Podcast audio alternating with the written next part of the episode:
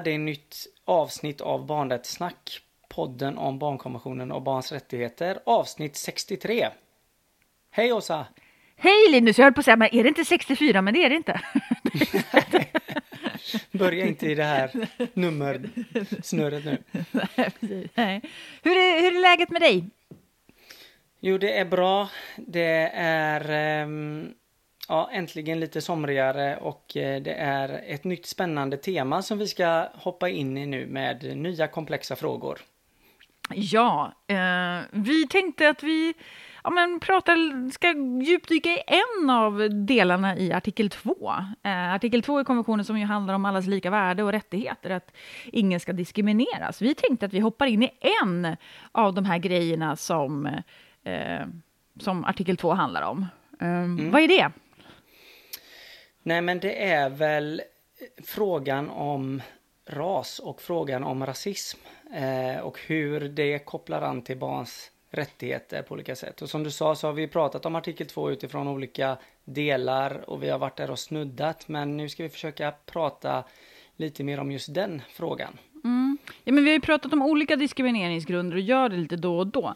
Det som ju står i artikel 2 som kan koppla liksom det här avsnittet, ja men det står om att Alltså typ att man ska tillförsäkra varje barn då, eh, de här rättigheterna utan åtskillnad. Och så rabblas det ju då en massa grejer liksom, som mm. gäller både barnet eller då föräldrarna. Så då står det till exempel, eh, står i konventionen, det står ras, det står hudfärg, nationell, etnisk eller socialt ursprung.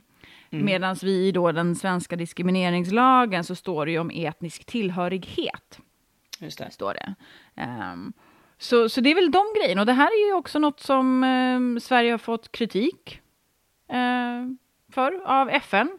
Eh, barnrättskommittén tycker ju dels att de har varit oroliga över den så ökade eh, rasismen och främlingsfientligheten och man eh, också uttryckt att de tycker att, menar, att vi har tagit bort begreppet just ras eh, ur lagstiftningen, och den nya diskrimineringslagen då.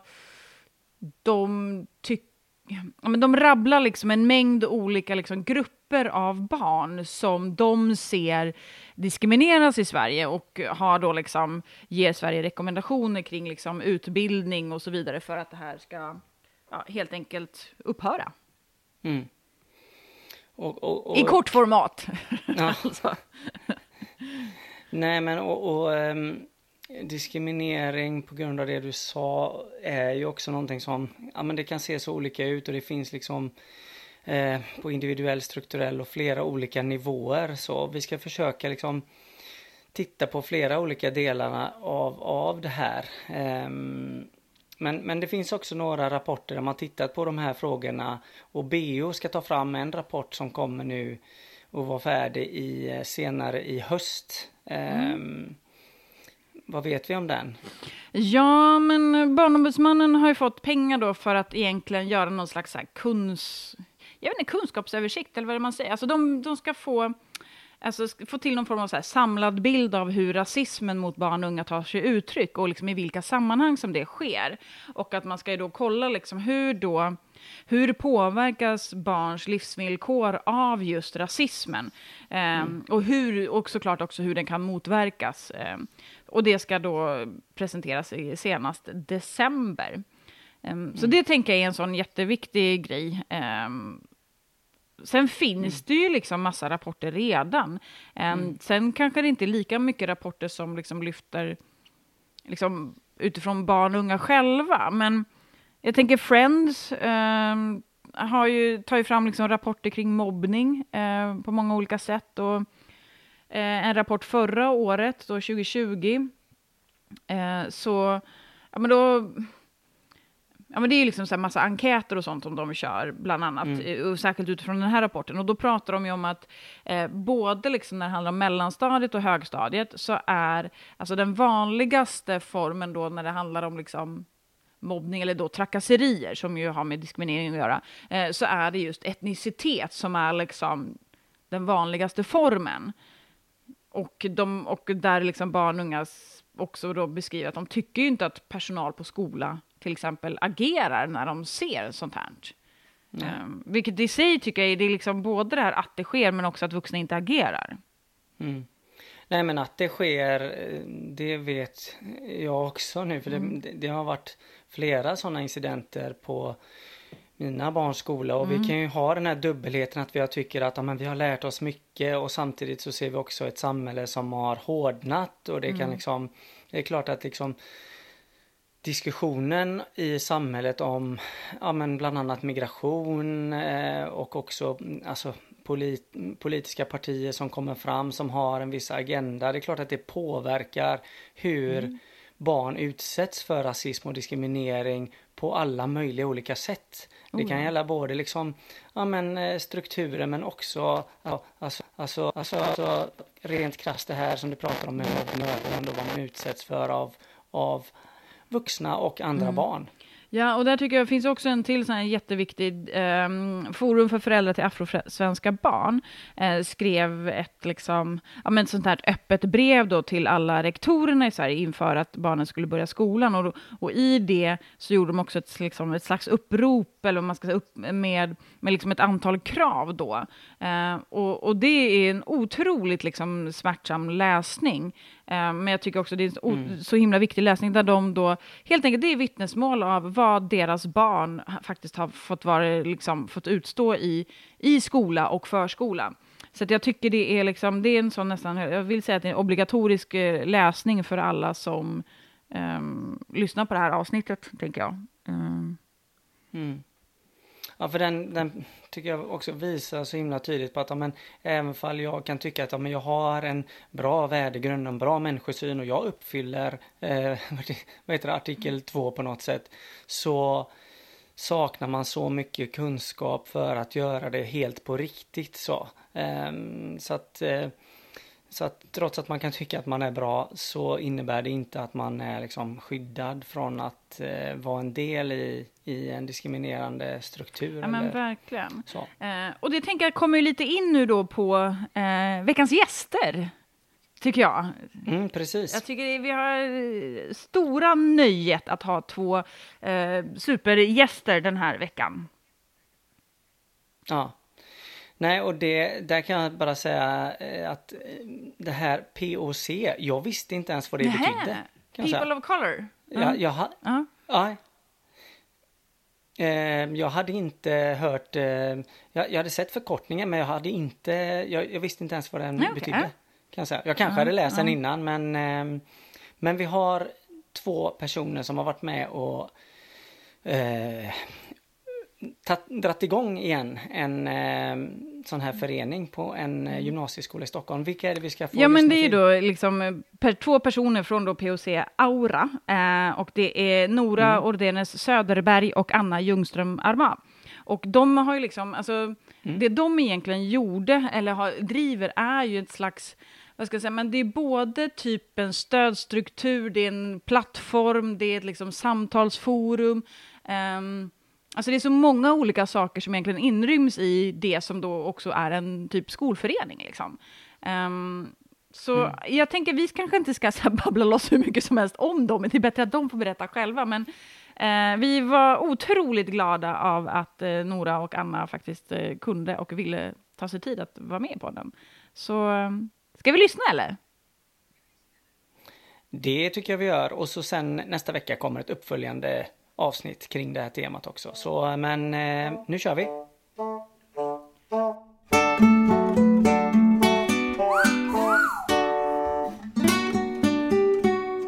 Jo men då har vi ju besök här nu då, helt enkelt Linus. Hur känns det för dig? Ja, jätteroligt! Hej Anna och Nora! Hej! Hej, hej. Hej! Jättekul att ni ville vara med. Vi har sett fram emot det här väldigt länge. Ehm, vill ni berätta någonting? Vilka är ni? Vilka är Nora och Anna?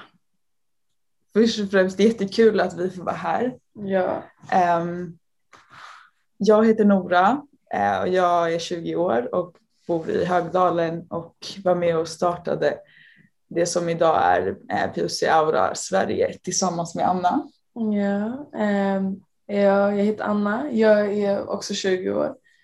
Um, bor i Farsta i Stockholm. Um, och um, ja, det blir lite hackigt. Men, nej men ja, jag är också 20 år och eh, bor i Farsta i södra Stockholm. Och jag jobbar, med, eller vi båda jobbar Um, och sen så håller vi på med det här med fritiden. Mm.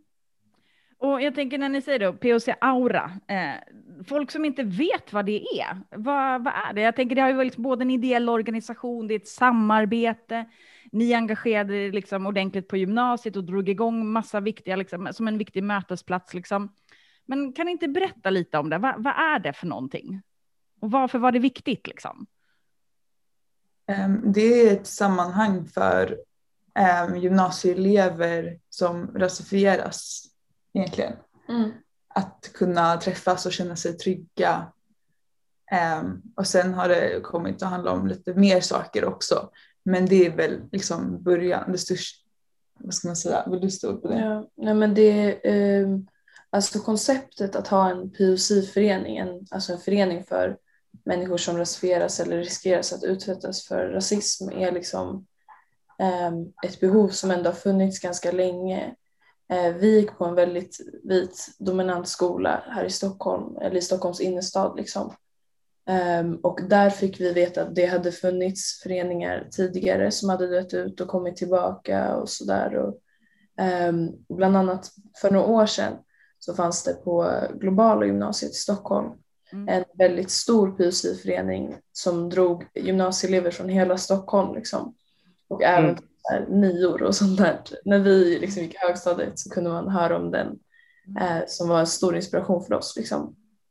Eh, för det skapade ett sånt sammanhang som, som behövs. Liksom. Eh, men eh, ja, det som sen fick oss att sätta igång. Men, för, för, men då man kan tänka sig, liksom, för folk då som inte liksom, kanske är så vana, man tänker sig att det är typ som på samma sätt som det finns på skolor, så här, idrottsföreningar, så är det här en förening liksom, eh, för people of color, liksom, att det är ett sammanhang, liksom, en, en, en helt vanlig skolförening egentligen, fast med en, ett tematiskt fokus.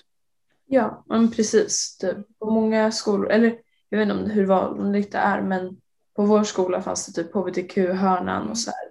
Alltså lite som, det var ju, ja, det är skapat för att vara egentligen typ ett separatistiskt rum eller ett rum där vi får ta plats.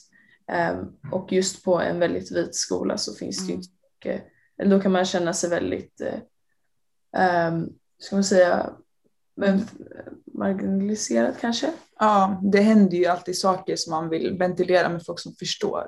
Mm. Och det kanske man inte hittar i sin klass. Mm. För att man kanske är en eller två personer bara som riskerar att utsättas för rasism. Mm. Mm. mm. Vad, men vad var det som hände? Vad var det som fick er att dra igång föreningen? Var det någon särskild händelse på er skola eller var det i omvärlden? Eller hur, vad var det som hände? Alltså behovet fanns ju kvar. Eh, mm. men de som hade haft föreningen innan hade slutat och då kändes det som att det låg lite grann på oss att eh, ta det vidare, liksom, att fortsätta. Men alltså, så det var ingenting som så specifikt som hände utan det har varit hela tiden. I alla fall för mig. Jag kände att när jag, väl, när jag valde redan gymnasiet så var det så här. Alltså jag hade nog aldrig valt den skolan jag valde om jag inte visste att det skulle finnas en PUC-förening där. Okay. Mm. Um, för det är så här, det man, eller man vet att det är jobbigt att vara den enda i en klass eller ett sammanhang och det känns skönt att få den tryggheten.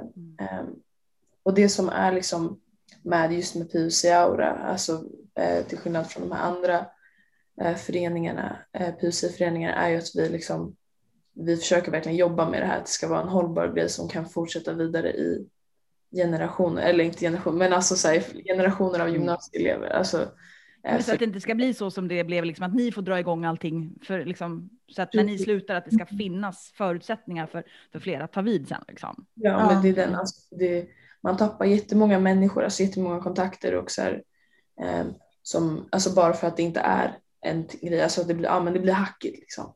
Det vill man inte ha liksom. Mm. Men sen det som hände ganska kort efter att vi hade startat igång var att vi blev kontaktade av eh, en tjej som heter Queen som gick, eller går på globala gymnasiet. Um, och vi kontaktade också eh, de som hade den här föreningen på Anna Whitlock eller höll på med samma frågor. Och det var då som vi gick ihop och försökte starta upp någonting större. Mm. Mm. mm. Jag tänker, det känns som att alltså det ni skapar egentligen, eller det det här handlar om mycket, om jag så här, jag ser det som typ, ja men det är typ som en så stödstruktur liksom. Alltså både att mötas, dela erfarenheter, men också vara ett stöd, men också att driva, liksom, driva en fråga, alltså opinion och liksom så. Men jag tänker, och det är ju också skapat av unga själva. Ser ni att, liksom, hur viktigt är det att det är just skapat av unga själva och inte av vuxna? vad, vad tänker ni kring det?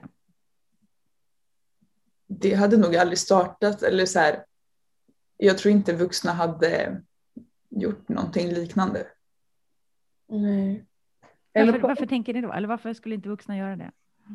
Alltså det är ju väl för att vår erfarenhet av liksom ointresse och lite motstånd från rektorerna och sådär. Så det, ja, det känns inte som att det finns att vuxna skulle styra ihop det här. I alla fall inte. Alltså inte utan någon annan så här, alltså push från de som faktiskt är i situationen. Liksom. Men dock, det är alltså så här, anledningen att vi har fortsatt med det här nu, alltså efter vi, för vi tog studenten förra året, liksom, mm. är ju för att vi ser jättemycket att det behövs också vuxna stöd eller så här, stöd av folk som är eh, utomstående. Um, inte för att vi ska gå runt och låtsas att vi är vuxna så här. Men, det ser ni ju. ja, det, man försöker alltså ge det stödet för det behövs också. Det funkar inte annars för man sitter så mycket i skiten när man är just i det. Liksom. Ja, nackdelen blir ju att det som kan hända när man engagerar sig så mycket är ju att det går ut över skolan. Mm. Och det är det vi inte vill att ska hända. Mm. Liksom. Men, men när ni eh, bestämde er för att ta upp liksom, föreningen igen och sammanhanget, eh, gick ni till någon på skolan och, och liksom, frågade om ett klassrum eller rum? Eller, eller var det någon vuxen som var liksom, intresserad då? Eh, eftersom ni startade det? Eller hur vi, alltså eh, föreningsutskottet, eller vad heter det? Man kan ju starta en förening, eh, eller man kunde göra det på vår skola. Och då är det elever som driver i det. Mm. Eh, vi har en lokal, en föreningslokal. Så okay. då var det då att boka in sig. Liksom. Via elevkåren typ. Mm. Mm. Så det, alltså grejen är, vi hade, jag tror inte vi behövde kontakta vuxna för att sätta igång egentligen. Det var ganska skönt. Mm. Men jag tänker, nu har vi pratat lite om det här um, att eh, uppleva liksom, sig marginaliserad och att, gå, att inte välja skola på grund av... Men kan ni ge några exempel? För det kanske finns lyssnare som liksom inte förstår det här. Vad, vad är den här känslan som man kan bära på och vara rädd för? Kan ni ge några liksom konkreta exempel på, på hur det var för er på, på gymnasiet eller högstadiet eller när ni var ännu yngre? Mm. Men det största i alla fall i gymnasiet måste varit minoritetsstressen tror jag. Mm. Um. Minoritetsstress är när man har utsatts för alltså, rasism eller andra sorts diskrimineringar um, så pass mycket att man känner alltså, en stress eller ångest eller så här, nästan förebyggande, eller inte förebyggande. Alltså innan liksom? Precis, ja, alltså att man eh, en, alltså, ja, en... När man går in i ett rum där man Precis. är minoritet så vet man att det finns risker att det kan hända samma sak igen. Liksom. Mm. Eller att man bara är allmänt liksom nojig över hur man uppfattas. Mm. Typ, om man pratar om vissa saker eller mm. så. Och det, ja, det är det som var grejen, i alla fall för mig. Att, så här, eh, att minoritetsstressen gör ju att man beter sig på ett speciellt sätt vilket hindrar att man formar eh, äkta relationer och sådär. Um, eller eh, får djupa kopplingar liksom med folk. Mm. Och det är inte bara, alltså helt ärligt, det var inte bara minoritetsstress som att man är rädd att det ska hända, för det händer ju verkligen saker.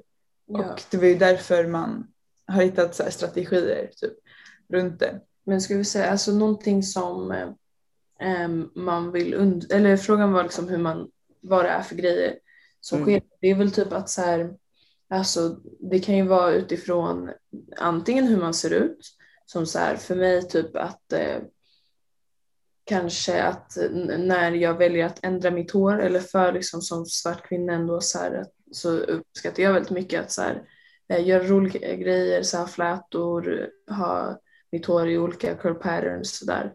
Um, ehm, och att det var någonting som blev väldigt så här, mycket reaktioner kring och kommentarer och så här, um, man kan liksom inte, eller jag kunde inte bara existera i det utan att det blev liksom så här, grejer på det. Det blir markerat på liksom hur, vem du är, alltså att man lägger in det, liksom, att du alltså, så här, inte får existera, Mm, bara inte existera. vara. Liksom. Ja, inte bara vara. Ja. Ja, men exakt, exakt. Eh, Men sen så kan det också vara liksom eh, om eh, kommentarer om så här hur, så här, vart, eller, för, eller ja, grejen är ju att så här, People of Color-föreningar och PUC Aura är, vi riktar oss till folk som riskerar att utsättas för rasism.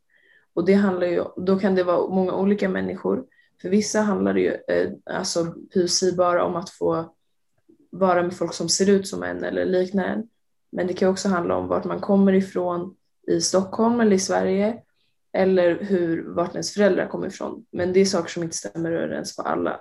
Eh, Men för mig så var det också lite om så här, vart i Stockholm jag kommer ifrån eh, och så här, människor som, alltså kommentarer om det, liksom om förutfattade meningar om ens ort och sånt där. Mm. Eh, Och eh, det är ju väldigt talande för att man är från just, eller skolan var just i innerstan. Mm.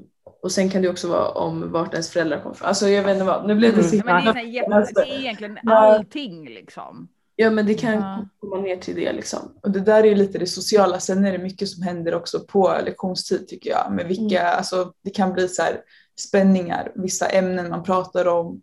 Just det. Att jag, både jag och Anna tror jag varit med om att liksom, klasskompisarna ska vända sig till en själv i vissa frågor. Mm. Ehm, på De- ett sätt som gör att man blir obekväm. Ja, de sätter krokben på sig själva. Typ att så här, alltså när man pratar om ett visst ämne så, alltså som berör antingen ens folkgrupp liksom, eller etnicitet. Typ, att de ska ge sig tolkningsföreträde typ, men på ett obekvämt sätt. Mm. Typ. Mm.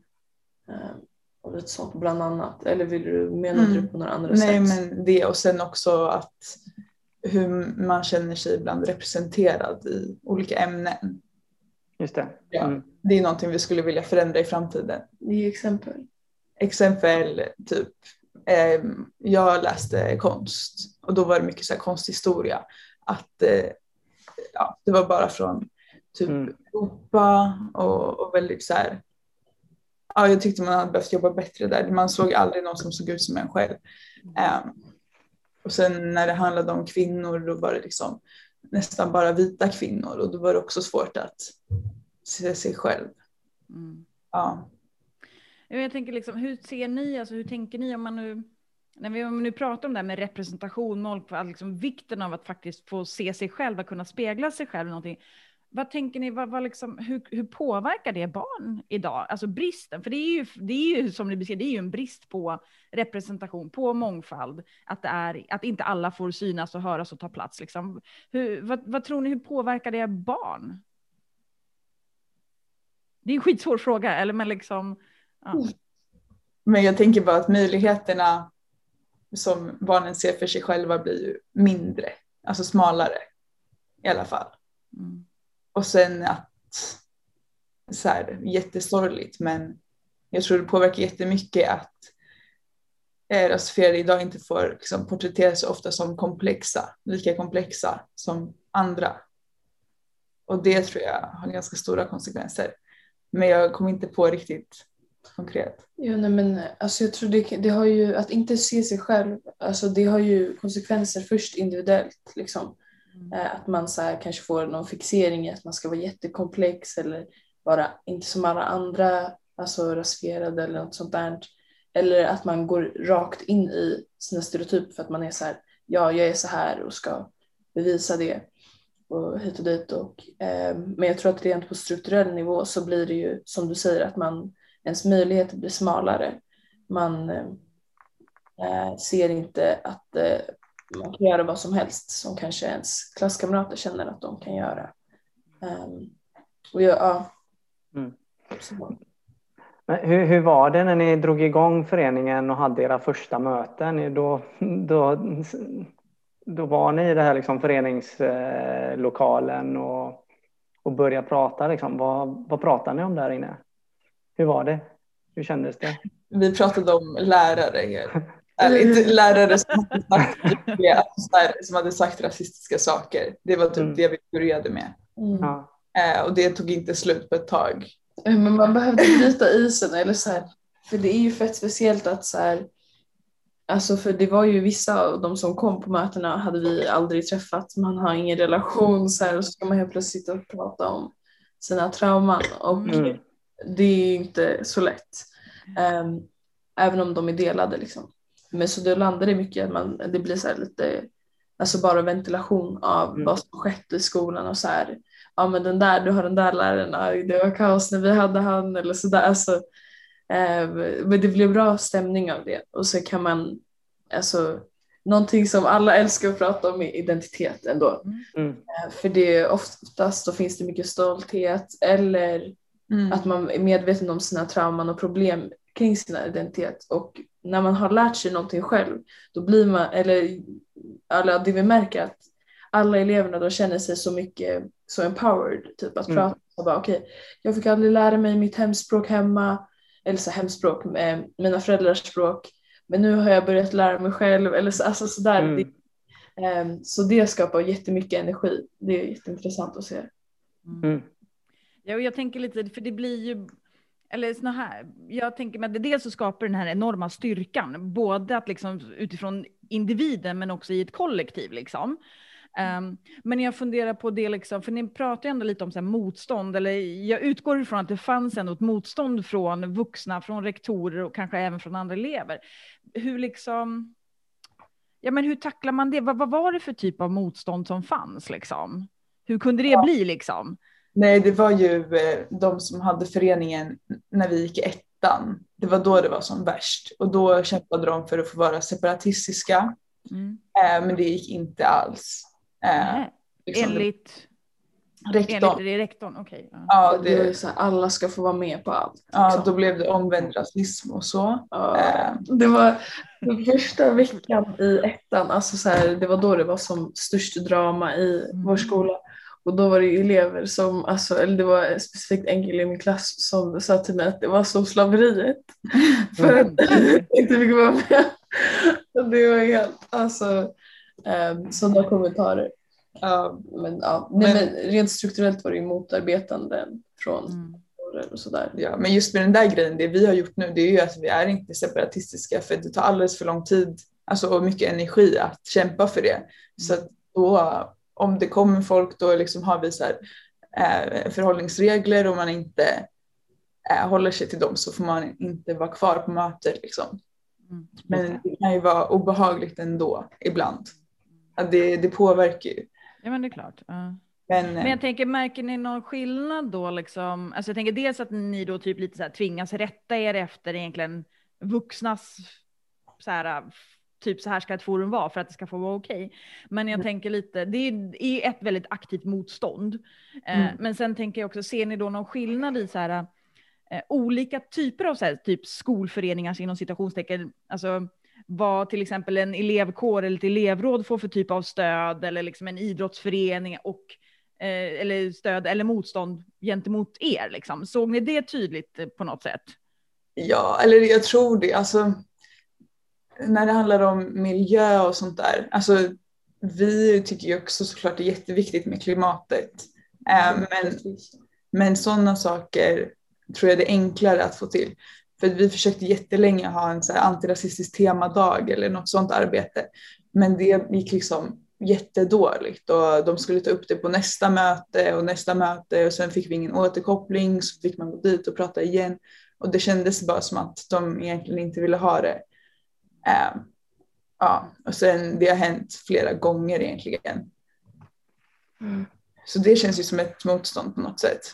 Ja, det, alltså, men det finns en jättestor beröringsskräck liksom, Mm. kring rasism och inte bara i skolan men också alltså, mycket i liksom, stora samhället. Ehm, det är väl typ alltså, mycket sånt att så här, folk blir helt obekväma, alltså Mm. rektorer, lärare. Ehm, och då gör de typ ingenting. De tänker att eh, vi ska fixa mycket själva. Eller så här, Mm. Det var nu liksom, på en av skolorna så försökte de, hon fixa, eller en person försökte fixa en föreläsning liksom, ehm, som var jätteviktig som skulle handla om just minoritetsstress på skolan och så här, Och den var gratis till och med. Ja, alltså de skulle, en utstående organisation skulle fixa det gratis. Liksom. Ehm, Men rektorn bara tänkte att den här eleven skulle fixa det här själv. Och arrangera alltihop. Att det skulle vara typ så här utanför skoltid men typ att de skulle kanske skriva så här ni kan gå på det här. Men det är så här, vadå, man behöver en schemabrytande för att alla elever ska vara med. Mm. Liksom. Och det, det funkar inte när man inte har dem bakom sig. Typ. Ja, men så det blir både liksom ett motstånd, alltså mer någon form av aktivt motstånd då, liksom, från kanske vuxna, eh, men också att det blir vad ska jag säga, avsaknad av stöd i jämförelse med andra. Så att det blir liksom, det är någon form av dubbelt i det liksom. Mm. Eh, Men och då, då kommer jag till en annan så här fråga, för då jag tänker, eller jag vet inte om jag bara svamlar nu, men för å ena sidan så skapar den här styrkan att vara tillsammans, både individuellt och kollektivt, men, men känner den liksom, finns det en risk att känna en större utsatthet i att vara liksom aktiv och driva de här frågorna när man möter det här motståndet och se, för, förstår ni vad jag är ute efter liksom? Blir det, alltså, Mm. Det är klart, det blir väl kanske lite, jag kommer ihåg första gången jag gick på eh, ett sånt här möte, då kändes det ju lite läskigt att så här, man markerade mot sina vänner att nu ska jag gå iväg på det här mötet själv. Men sen i slutet så mår man ju bättre av det mm, och man har större chans liksom att utveckla riktiga bra vänskaper, tror jag. mm, Alltså, um, jag tror typ att det handlar mycket om att man, alltså för det, alltså, eller, jag- eller det jag tänkte mycket på var att så här, alltså det emotionella i det liksom, i att så här, eh, hur, alltså om det händer något rasistiskt till exempel i klassen och man inte kan, och när man försöker prata med människor som inte utsätts för rasism om det, då blir det ju lätt att man blir som gaslightad och det skapar en jättedålig så här, alltså, relation till ens känslor och eh, inre. Liksom. Um, Vad, är, vad är gaslightad för någon som inte har hört det? ehm, gaslight, det är väl typ att man ens eh, känslor blir att så här, de är fel. Typ. Det här är ens känslouppfattningar, Mm. att de inte existerar. Typ. Ehm, För jag, ja. Mm, För jag tänkte också det här med, men, du sa någonting om ja, men, trauma, man har varit med om svåra upplevelser, en stress, eh, ja, men, obehag och, och, och sådana saker. Men skolans elevhälsa liksom, eller kurator, har de liksom varit intresserade eller liksom engagerade? För, för det är klart att eh, ja, men det finns ju säkert många som har varit med om saker som är väldigt eh, ja, men som påverkar en jättemycket. Och precis som vi sa, dels för att man engagerar sig i resultatet men också vad, ja, överlag. Men har de varit intresserade? Inte Ingenting. våran skola, men vi bara pratar om våran skola. Alltså jag, eh, jag, jag kommer säga, vi har inte sagt vilken skola vi har gått på, men vi gick på Södra Latins gymnasium. fall. Så vi har namedroppat de andra skolorna så jag tänker vi kan Ja. höra. Mm. Det är jättemycket fokus på så här, psykisk hälsa på vår skola tycker jag ändå. Vi fick så här, fylla i formulär om så här, har, hur ens historia och sånt där.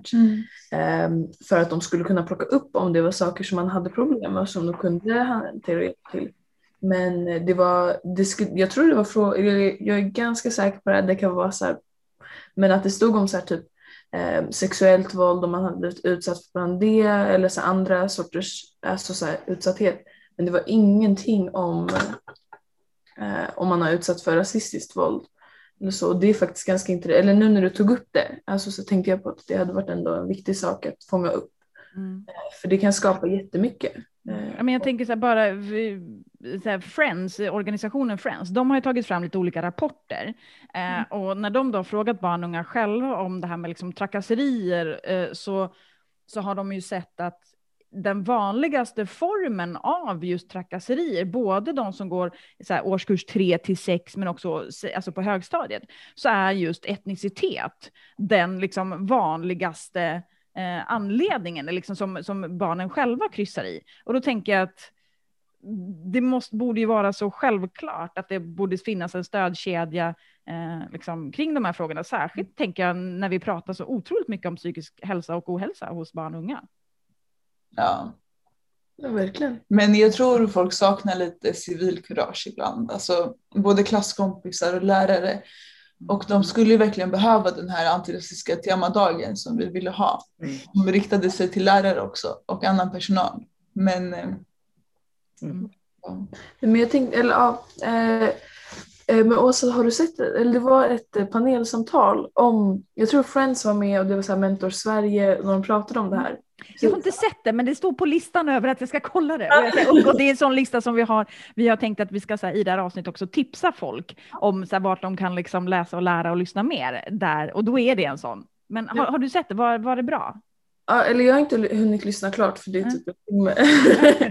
Men jag började lyssna och det var då jag tänkte på den där statistiken, de tog upp det liksom. Mm. Ehm, och det var faktiskt en av de som var med, eller nu vet jag inte hur relevant det här är, men eh, Hanna var med. Mm. Eh, en, eller vi har jobbat en del med Hanna Wallensten, eh, en psykolog som... Men det är hon som pratar om minoritetsrätt ganska mycket, va? Mm. Precis, precis.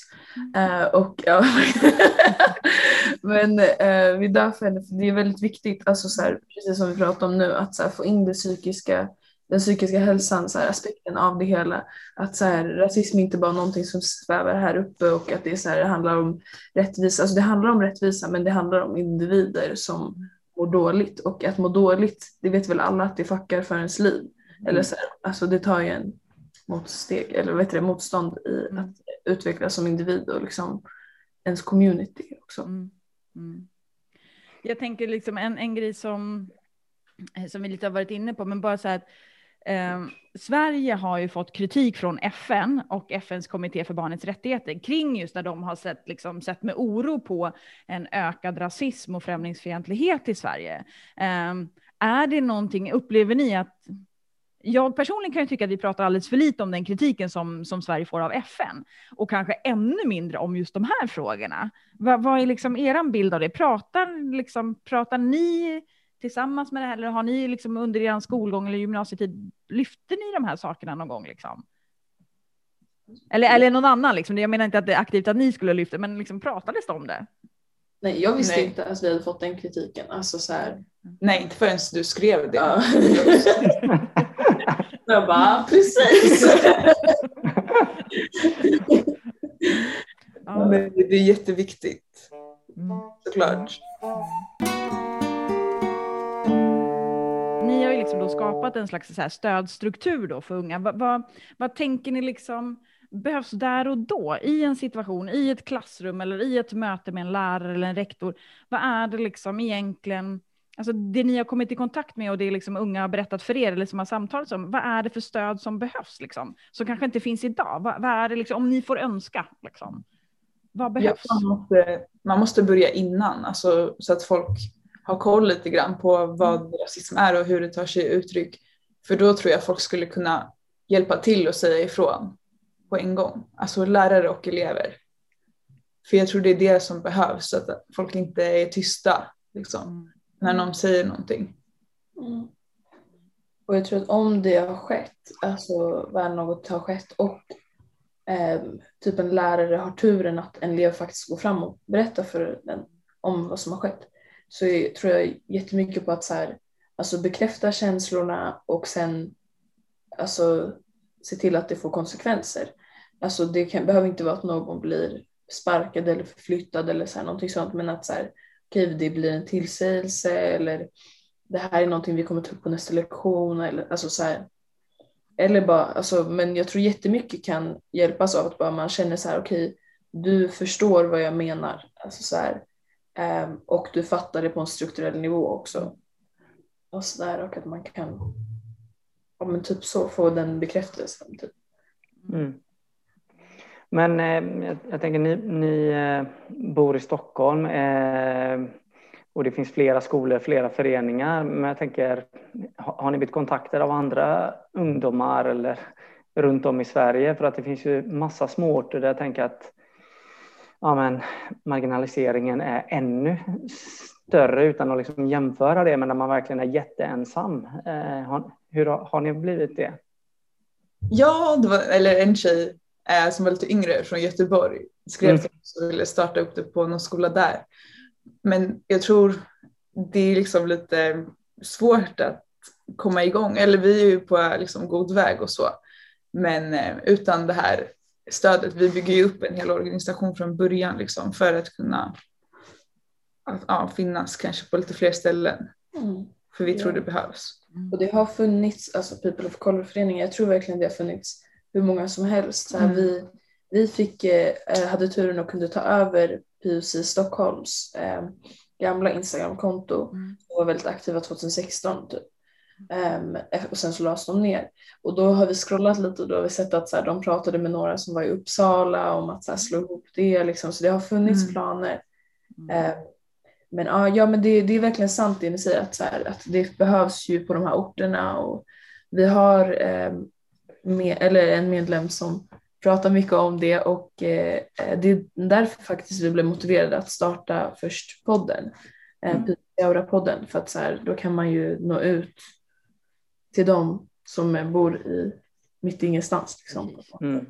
Ja, och den har vi ju inte ens hunnit prata om i eran podd. Men det är ju också ett resultat av egentligen det här samarbetet och där ni ju liksom, eh, ja, det är en podd av och för och med unga egentligen. Eh, så, ja. Vill ni säga någonting om podden? Lite mer?